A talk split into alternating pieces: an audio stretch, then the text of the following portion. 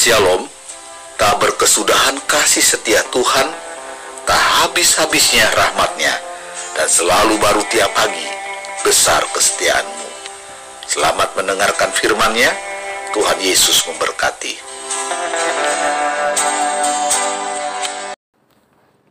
Salam. Selamat pagi Bapak Ibu Saudara yang dikasih oleh Tuhan.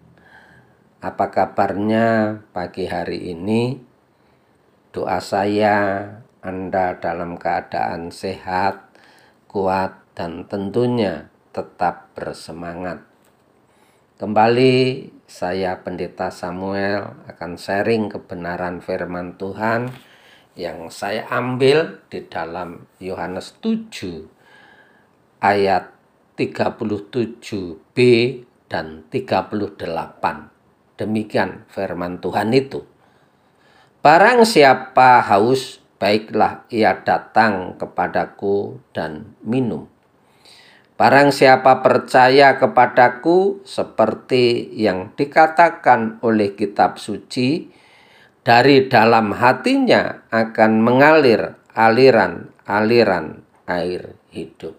Haleluya. Saat ini saya kasih tema air sumber kehidupan. Bapak Ibu yang dikasih oleh Allah, haus adalah rasa yang sukar untuk ditahan bila dibandingkan dengan rasa lapar. Rasa haus dapat dihilangkan dengan minum air yang menyegarkan. Demikian juga Yesus memproklamirkan bahwa dirinya adalah sumber air hidup itu.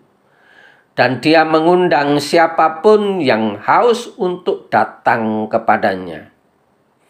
Haus yang dimaksud di sini bukanlah rasa haus yang dialami oleh tubuh jasmani kita, tetapi haus yang menyerang tubuh rohani.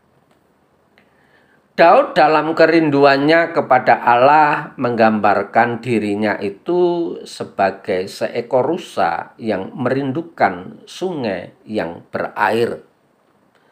Daud juga menyatakan bahwa jiwanya rindu untuk mencari Allah dan dia merasa kehausan yang luar biasa akan hadirat Tuhan. Bagaikan tanah kering yang tandus yang tiada berair.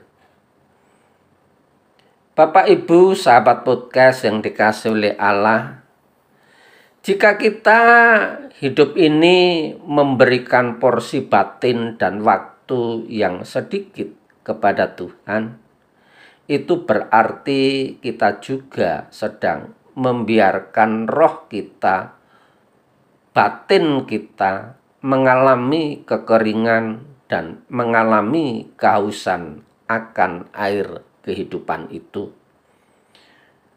Dua faktor yang menjadi penyebab mengapa kita mengalami kehausan. Yang pertama, tidak mau menyadari bahwa jiwa kita itu sedang merasakan kehausan. Kebutuhan jiwa kita bukanlah terletak pada harta yang banyak dan berlimpah. Harta buat diri kita itu menjadi sombong atau bahkan pangkat kita, kedudukan kita itu pun juga membuat kita bisa sombong. Bila kita tidak menyadari dari mana dan siapa pemberi harta dan jabatan itu, maka kita akan melupakan Tuhan dan kesombongan itu merasuki hidup kita. Sikap yang demikian membuat diri kita tidak menyadari atau merasakan kehausan. Kehausan tidak dapat dipuaskan dengan harta kekayaan, bahkan apa pun yang ada di dalam dunia ini. Tetapi dengan kita datang dan berdiam diri di kaki Yesus setiap saat, setiap waktu, maka aliran-aliran air kehidupan itu akan terus memuaskan seluruh jiwa kita, seluruh tubuh kita, seluruh roh kita, seluruh batin kita. Oleh karena itu, mari kita tetap mendekat di bawah kaki Yesus. Yang kedua, segala kesenangan dunia dan tipu muslihat iblis telah mengisi kekosongan yang ada di dalam kehidupan kita. Iblis adalah bapa dari segala penipu. Oleh sebab itu, dengan segala tipu dayanya, ia akan membujuk siapa saja agar mau menjadi pengikutnya dan menjauh dari Tuhan. Kita dapat melihat contoh yang nyata bagaimana iblis mencobai Yesus dengan janji akan memberikan kekuasaan dan kemuliaan, bahkan kekayaan, jika Yesus mau menyembah iblis. Namun Yesus tidak lakukan itu dan bahkan Yesus mengusir iblis dari hadapannya. Jadi apakah kita akan terpengaruh dengan bujuk rayu iblis atau kita akan tetap kuat dan tetap rindu untuk mencari dan menikmati sumber air hidup itu sehingga jiwa kita terpuaskan, bahkan hidup kita akan mengalir aliran-aliran air hidup dan menjadi berkat bagi banyak orang. Tak ada apa pun di dalam dunia ini yang dapat memuaskan rasa haus kita, kecuali jika kita datang kepada pemilik sumber kehidupan itu. Karena itu, datanglah kepada Yesus dan puaskanlah rasa haus saudara. Selamat pagi.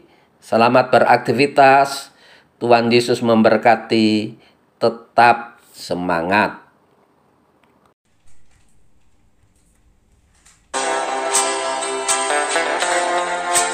Sampai jumpa esok hari.